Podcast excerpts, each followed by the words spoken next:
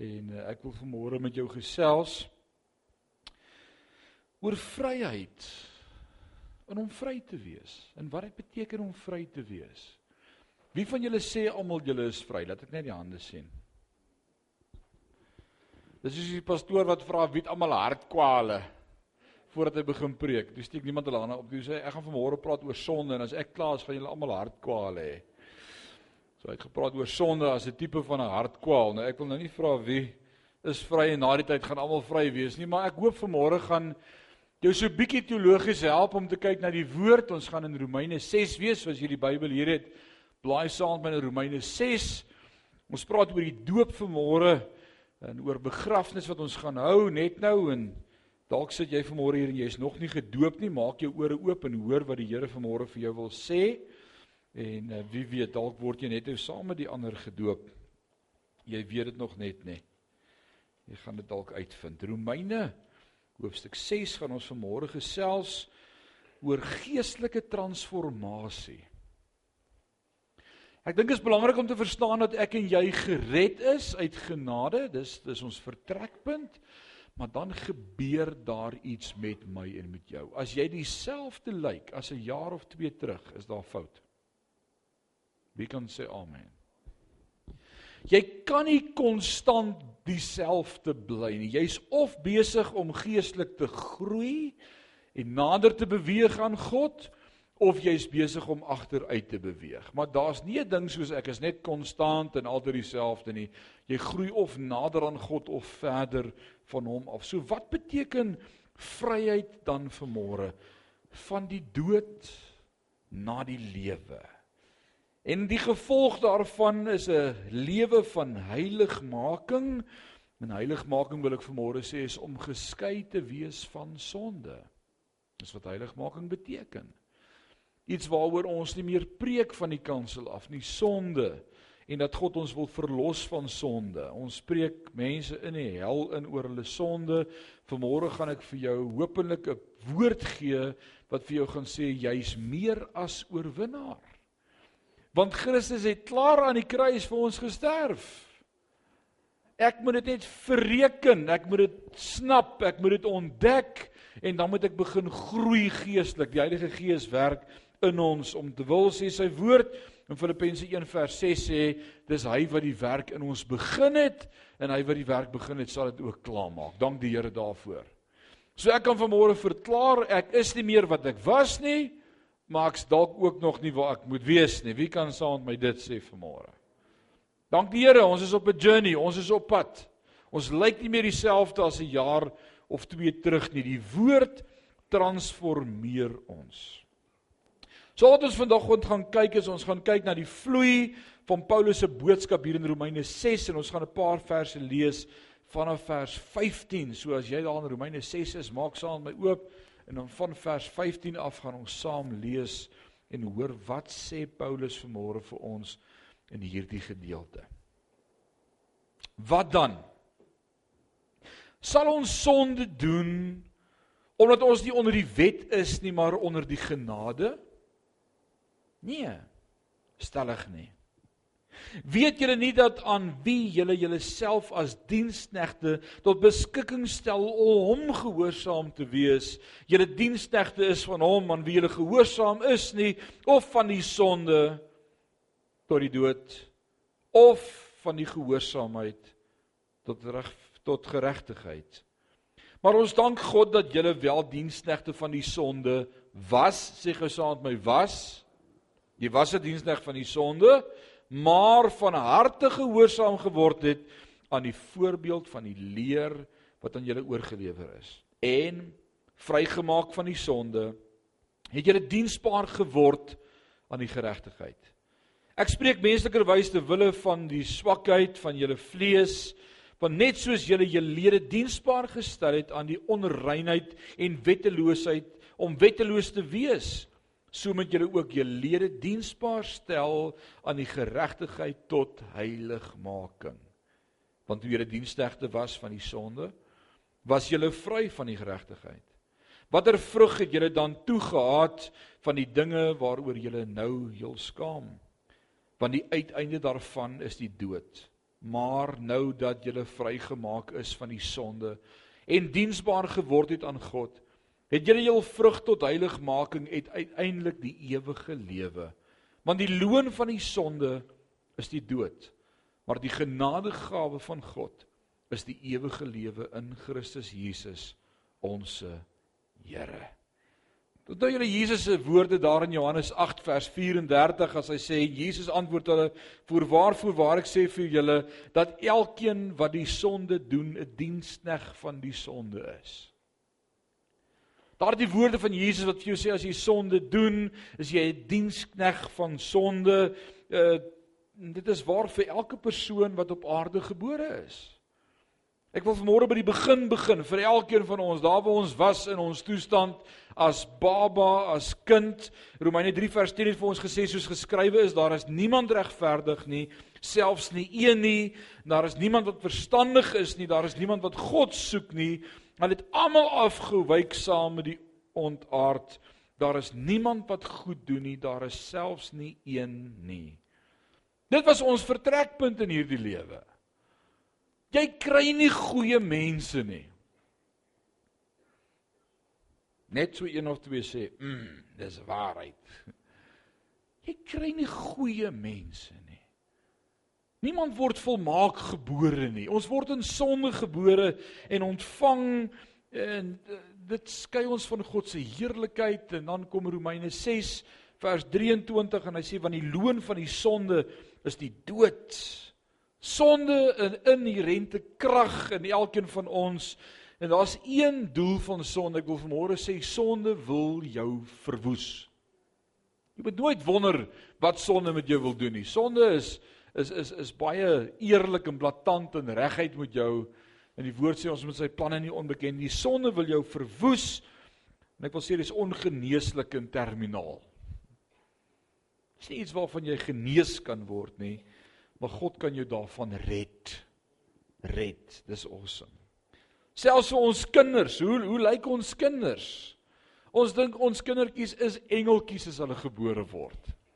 Jou kind is 'n engeltjie. Botter kan nie in sy mond smelt nie. Dit is net te oulik en te pragtig en en dan ewe skielik eendag kom jy agter goed gebeur in jou huis wat nie meer so awesome is nie. Maar dit kan nie jou kind wees nie. Kyk vir my is die snaakste as as jy nog nie kinders het nie, ouers wat nog nie kinders het nie, paartjies wat getroud is of dan sê hulle, "Ooh, ek sal nie eendag dit met my kinders doen nie." Of my kinders sal nie eendag so maak of so maak nie. Famous last words. Tot daai kind gebore word, dan sien jy en dan smile ons net. Sê ons ja, ons het ons het ook gedink ons weet voor die tyd. Hè? Jy dink jy weet voor die jy het nie 'n klou nie. Om 'n kind groot te maak is net die Here se genade.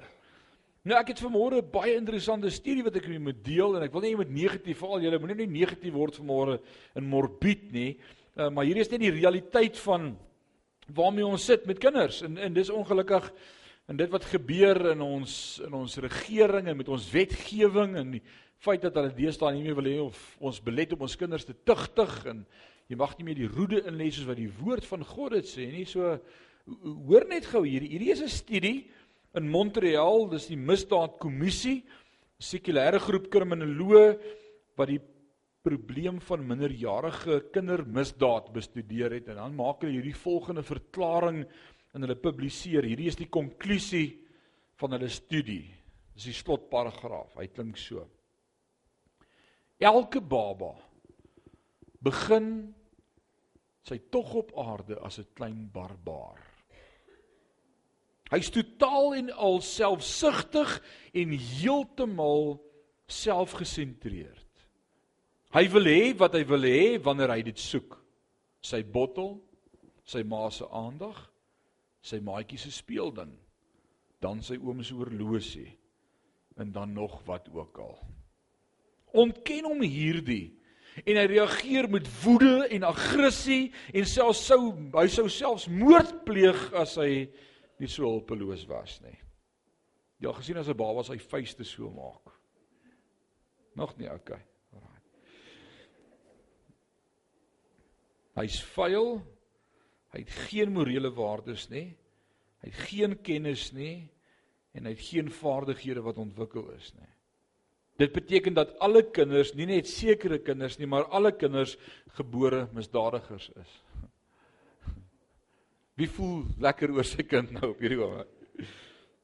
Indien hulle toegelaat word om voort te gaan in hul selfgesentreerde wêreld van kleins af. Gegee vrye teels om aan hulle impulsiewe optrede te voldoen en alles te doen wat hulle wil. Sal elke kind groot word as 'n misdadiger, moordenaar, 'n dief en 'n verkragter. Dis terrible woorde. Maar wie kan vanmôre sê dis die waarheid? As jy nie die boompie buig as hy klein is nie en hom net oorgee aan die drange en aan die luste en die begeerlikhede van sy hart, dis dit wat ons grootmaak. En kom ons wees eerlik oor ons jong generasie daar buite.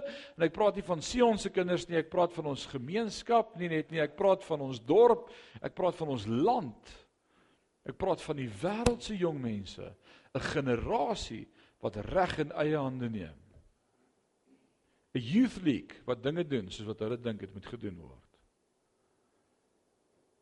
En dis hoe dit werk. En daarom is dissipline so ongelooflik belangrik. Maar jy kan dissipline toepas, but there must be a change of heart. Kan dit dit sê? Ek bedink aan hierdie storie en ek het dit al soveel keer vertel van hierdie ma met die seentjie wat daar agter in die kerk sit en dan staan hy op en dan trek sy hom so aan sy hemp onder toe dan sê sy sit. En dan as hy weer kyk dan staan hy op. Hy's voor die mense wat agter hom is en dan trek sy hom af en dan sê sy sit. Dis op die derde keer toe sy hom so aftrek dat hy sit. Toe kyk hy aso toe sê hy I may be sitting on the outside but on the inside I'm standing.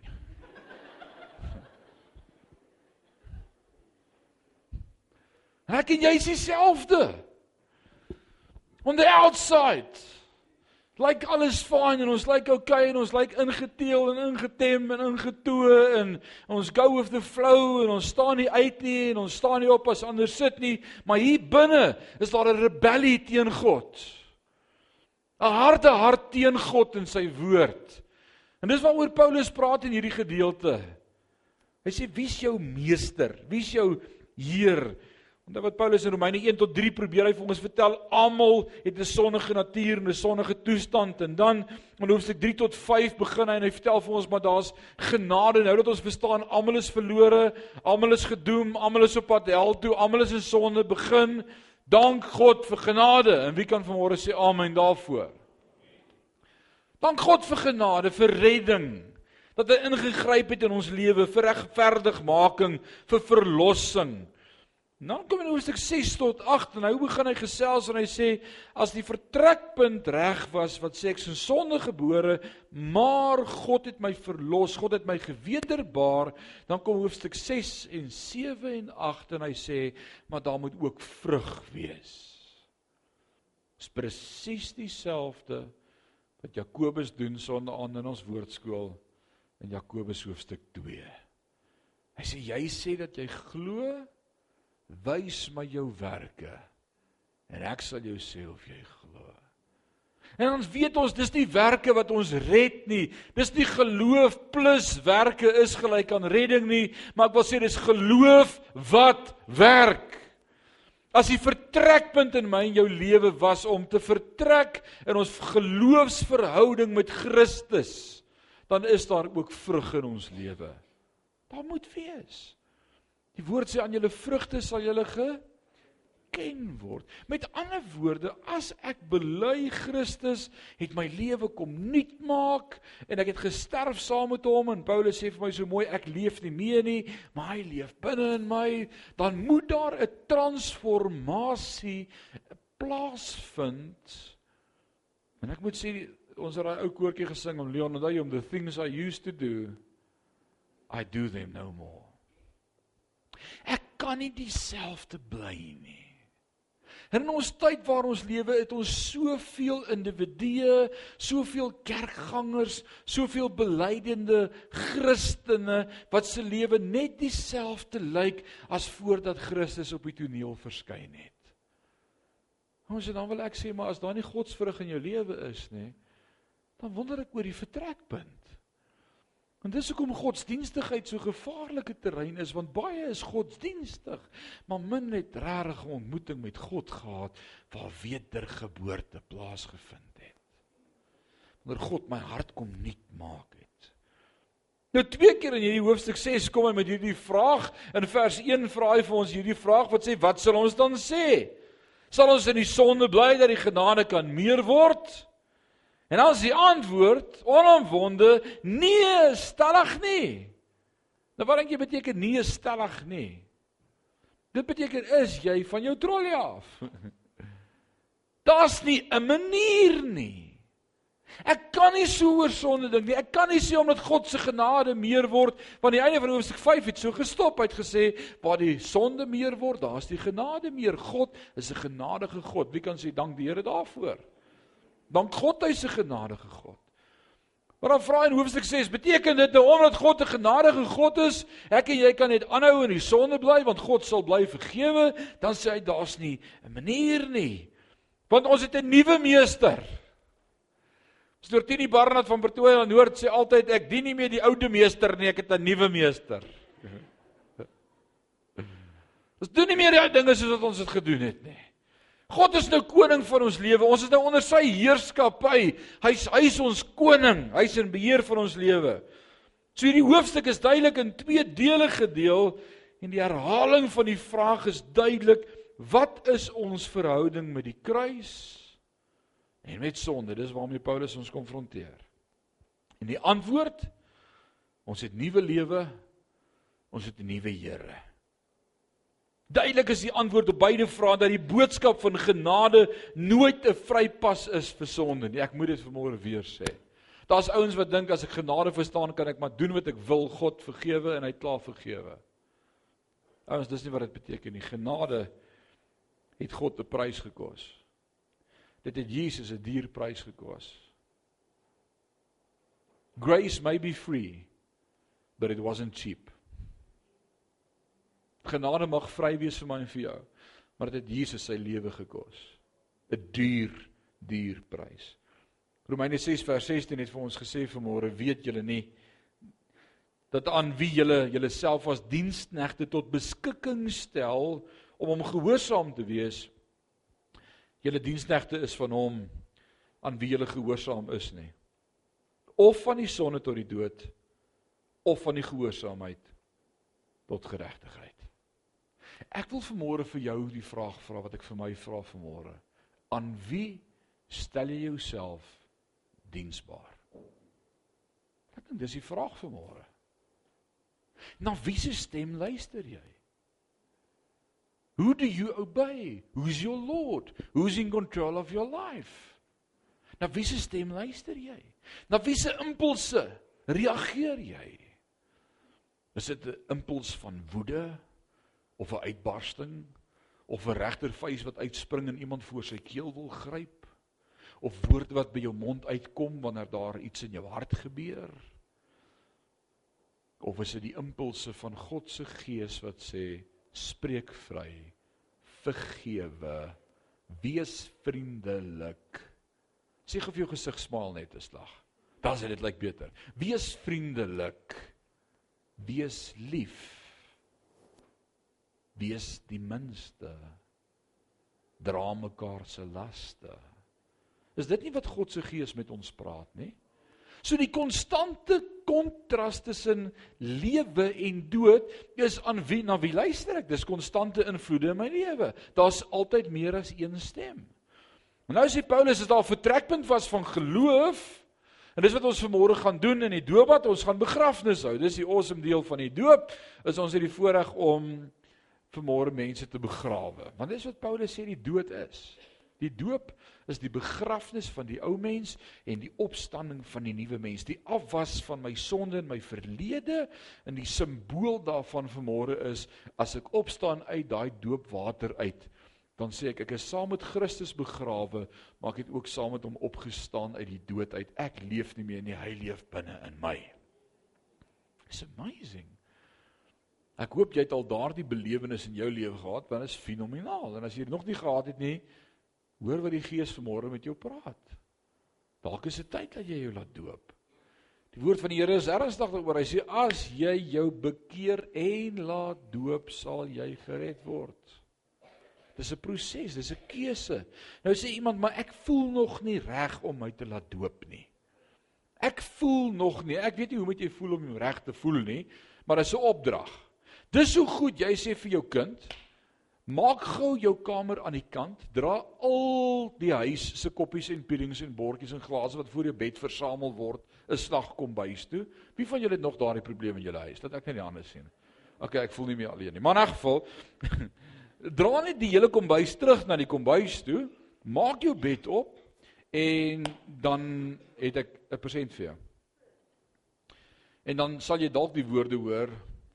Ek voel nie nou gereed om gehoorsaam te wees nie. Ek het nie baie motivering nodig om die roede in te lê nie. maar maar maar dis nie 'n gevoel nie. As jy vir jou kind sê, maak gou ABC, maak gou so of onderwyser sal vir 'n kind sê ek wil hê jy moet dit doen en jou kind sit vir jou so en kyk Tanya en sê, "Ag juffrou, ek voel nie nou lus vir dit nie." Kom aan. Hoe sal jy reageer? Are you going to lose it? Ek gaan jou in die kantoor kry by die hoof met 'n paar ouers met 'n kind met blou oë. Dis net dis dis ongeken. En nou kom die woord en hy praat met ons en hy sê bekeer jou en laat jou doop en jy sal gered word en ek sê ag ek weet nie of ek reg is vir die doop nie. Dis darem 'n groot besluit en ek het nog dingetjies in my lewe wat ek eers moet uitsort. Nee, ek dink nie ek gaan dit nou laat doen nie. Dis 'n opdrag. En 'n opdrag soek gehoorsaamheid. En dis een van die eerste basiese beginsels wat ons leer as kind van God is wees God gehoorsaam. Kan jy onthou nou met Samuel en Samuel se tyd?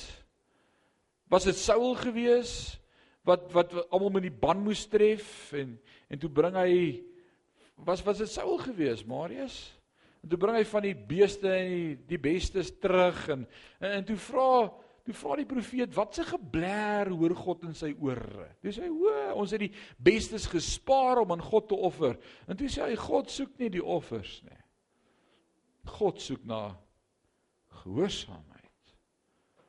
Ek wil sê dis een van die eerste goed wat in my en jou lewe moet wees as volgelinge van Christus, is gehoorsaamheid, want dis wat Paulus hiervan praat. Hy sê weet julle nie aan wie julle self as diensknegte tot beskikking stel? Met ander woorde, as ek my tot beskikking stel aan iets, dan beteken dit ek is hom gehoorsaam. As ek my tot beskikking stel vir my vrou, dan sal dit soos volg klink. Ek sê vas sê goed, ek het nou nie baie planne vir vanmôre nie. Dis Saterdagoggend. Wat wil jy hê moet ek vir jou doen? Dit dit gebeur nie baie nie, maar dit gebeur.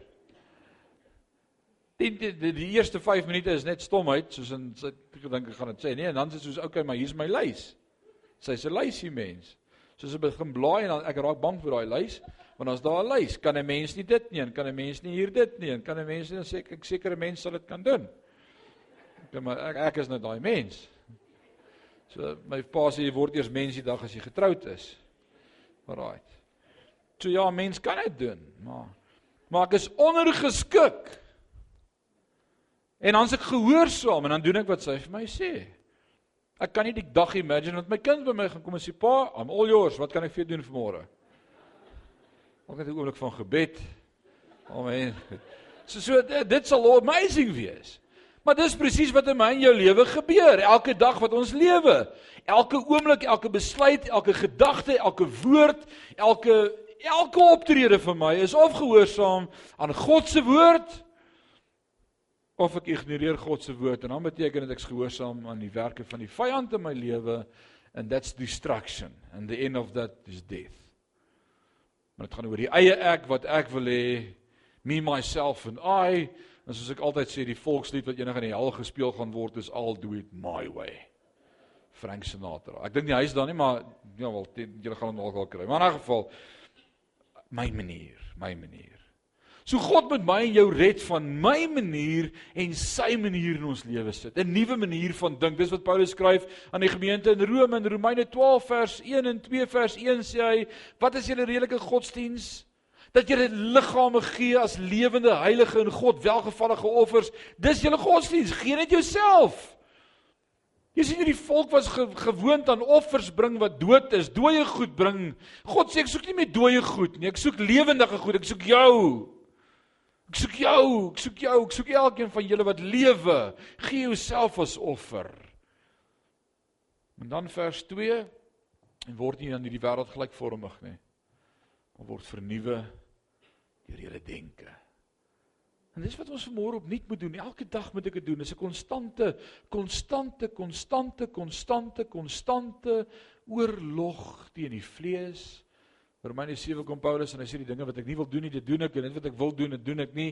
En wie weet vanmôre dis die waarheid. Ons sukkel daarmee. Want jou gees is gewederbaar, maar jou vlees Oh, he's got a mind of his own. Hy doen net wat hy wil. En jy besluit vanmôre gaan ek dinge so doen en as jy weer sien wie wie, wie wanneer laas jy besluit jy vas vir 'n slag 'n dag? Vandag gaan ek vas. Kom aan die woord van die Here sê, daar's hier's 'n generasie en hy sê hy sal nie anders uitgaan as deur vas en bid nie. So ons besluit vandag vas ek. Mevrou vir my sê kan ek vir jou breakfast maak en sê ek nee, ek vas. Op daai oomblik is ek nog nie honger nie. So is maklik om te sê ek vas. En as ek besig in die studeerkamer later en ek ek's bedrywig voor die rekenaar en ek tik en dan stap ek deur die kombuis en ek sien hierdie heerlike glas drom met 'n klomp gemmerkoekies wat vriende daar aangebring het. En voor jy kan kry jy die drom oop en jy het 'n gemmerkoekie en jy het hom halfpad geëet en dan net voor jy sluk en besef jy maar jy het gesê gaan vas. Dis 'n konstante battle. Die dinge wat jy nie wil doen nie, die dinge wat jy doen. En soos ek en jy in ons lewe, dit wat ek wanneer laas jy besluit jy gaan 'n dieet gaan. Ja, hou steek in my hand. Ek weier. Stam by jou vrou, sê steek op jou hand. Steek op jou hand. Moenie dit hou nie, jy gaan moeilikheid kry. Nee, besluit jy dieet. Ek gaan suiker sny, suiker, brood, beskuit, koekies, alle witgoed, sny dit. Sny dit uit. Dis van die duiwel. En voor jy jou kan kry, dan gaan daai hand asof hy nie by was vanmôre toe jy hierdie besluit gemaak het nie. En hy vat daai ding en sê ag net een netjie. Dis asof jy in jou hand met mekaar 'n gesprek het. En hy sê ag maar een gaan nie so erg wees nie. Net een muffin. Net een. Die konstante geveg tussen my vlees en my gees. En as ons vanmôre gaan begrafnis hou, dan sit ouens wat op 'n punt gekom het in hulle lewe wat hulle self onderwerp het aan Christus as hoof van hulle lewe. Vanmôre sê ons wil die ou mens begrawe. En dan wil ek vanmôre vir julle sê, jy gaan nie net as jy onder daai doopwater uitkom nooit weer begeerte hê om sonde te doen nie. Jy kry nie vlekkies ewe skielik, nê? Watch dit, want die duiwel gaan nou nog eers lustig na jou toe kom met begeerlikhede en toetse. Maar ek moet meer onderwerp aan God se woord. En nou wat ek vir jou wil sê vanmôre is hoe meer ek my onderwerp aan God se woord, hoe makliker word dit. Wie weet dis die waarheid. Ek ek hoef nie meer te sondig nie. Ons sondig, maar ek hoef nie meer nie. Die hou vas daarvan op my lewe is gebreek. Christus het aan die kruis daarvoor betaal. Hy het gesê dit 'n les daai, dis volbring. Dis klaar. So kom ek help jou. Daar is geen middelgrond nie. Jy staan onder die eerste Adam of onder die laaste Adam. En ek dank God vanmôre ek staan nie meer onder die eerste Adam nie. Iemand sê nou die dag vir my, "O, ek werk so hard." Ek sê, "Hoekom werk jy so hard?" Hy sê, "Die Bybel sê mos in die sweet van jou aangesig." Die sweet Ek sê ek so bly ek's onder die nuwe verbond met beter voordele. Ek is nou maar eenmal die geseënde van die Here. Jy hoef nie meer so hard te werk nie. Dan work hard, work smart. Dis dis Alraai. Tanya is nie vir jou nie. Alraai. Sonde teenoor geregtigheid. Vers 17. Wil jou attent maak op wat daar staan. Maar ons dank God. Dat julle wel diensknegte van die sonde was, maar van harte gehoorsaam geword het aan die voorbeeld van die leer wat aan julle oorgelewer is en vrygemaak van die sonde, het julle diensbaar geword aan die geregtigheid. Maar ons dank God. Hy het jou vrygemaak van sonde. Dis wat vanmôre met hierdie mense wat gaan gedoop word gebeur. Hulle bely hy het hulle vrygemaak van sonde en nou is hulle diensbaar aan die geregtigheid. Van ander woord, hierdie boodskap het ons lewens begin verander. Ons is nie meer dieselfde nie. Constant change is here to stay.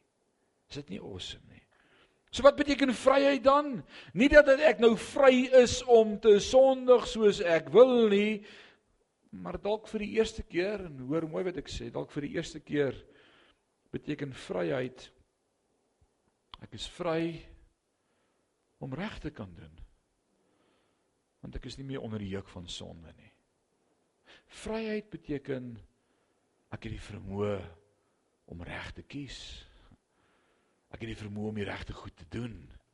Ek is vry. Ek is vry. Jesus maak my vry. Loof die Here daarvoor.